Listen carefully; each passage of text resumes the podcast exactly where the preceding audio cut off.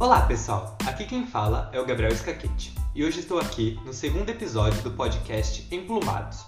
No episódio de hoje falaremos um pouco sobre uma incrível habilidade das aves, a capacidade de voar.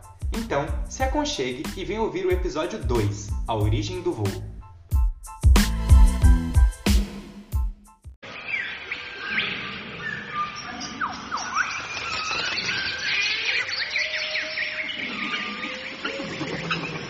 Antes de retrocedermos milhares e milhares de anos para compreender a origem evolutiva do voo, vamos focar no presente e tentar identificar quais características permitem que as aves voem.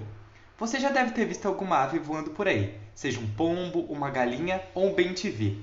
Mas você já parou para pensar como isso é possível? Pois bem, para que isso fosse possível, as aves passaram por diversas adaptações, que de maneira geral direcionaram seu corpo para algo mais leve e mais aerodinâmico.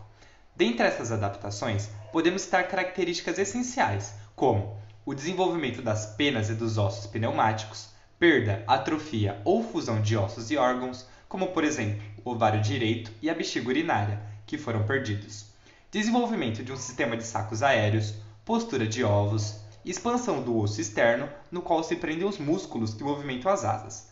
Como vocês podem ver, essas características visam diminuir o peso das aves e aumentar sua aerodinâmica.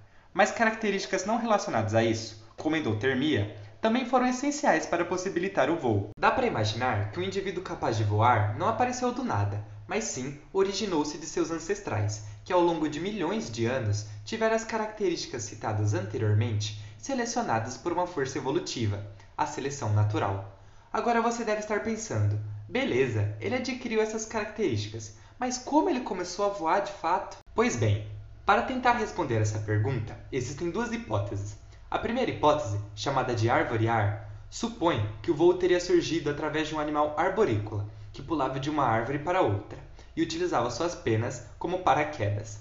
Já a segunda hipótese, chamada de chão-ar, supõe que o voo surgiu a partir de animais terrestres, que utilizavam as pernas como força de impulso para correr, e para suplementar a força produzida na corrida, batiam suas asas, e assim, a somatória dessas forças erguia o animal do solo, que então utilizava-se das suas asas para se sustentar no ar. Ao ouvir essas duas hipóteses, vocês devem estar pensando que a primeira é mais provável, visto que o animal não teria que vencer a força da gravidade. Entretanto, não há nenhum exemplo de um vertebrado que possa ter sido um intermediário entre o voo planado e o voo em si, o que enfraquece essa hipótese. Então, a segunda é a mais aceita, certo? Atualmente sim. Entretanto, ambas as teorias falham em demonstrar como foi desenvolvida a mecânica do voo, e, portanto, estão sendo realizados estudos visando complementar essas lacunas.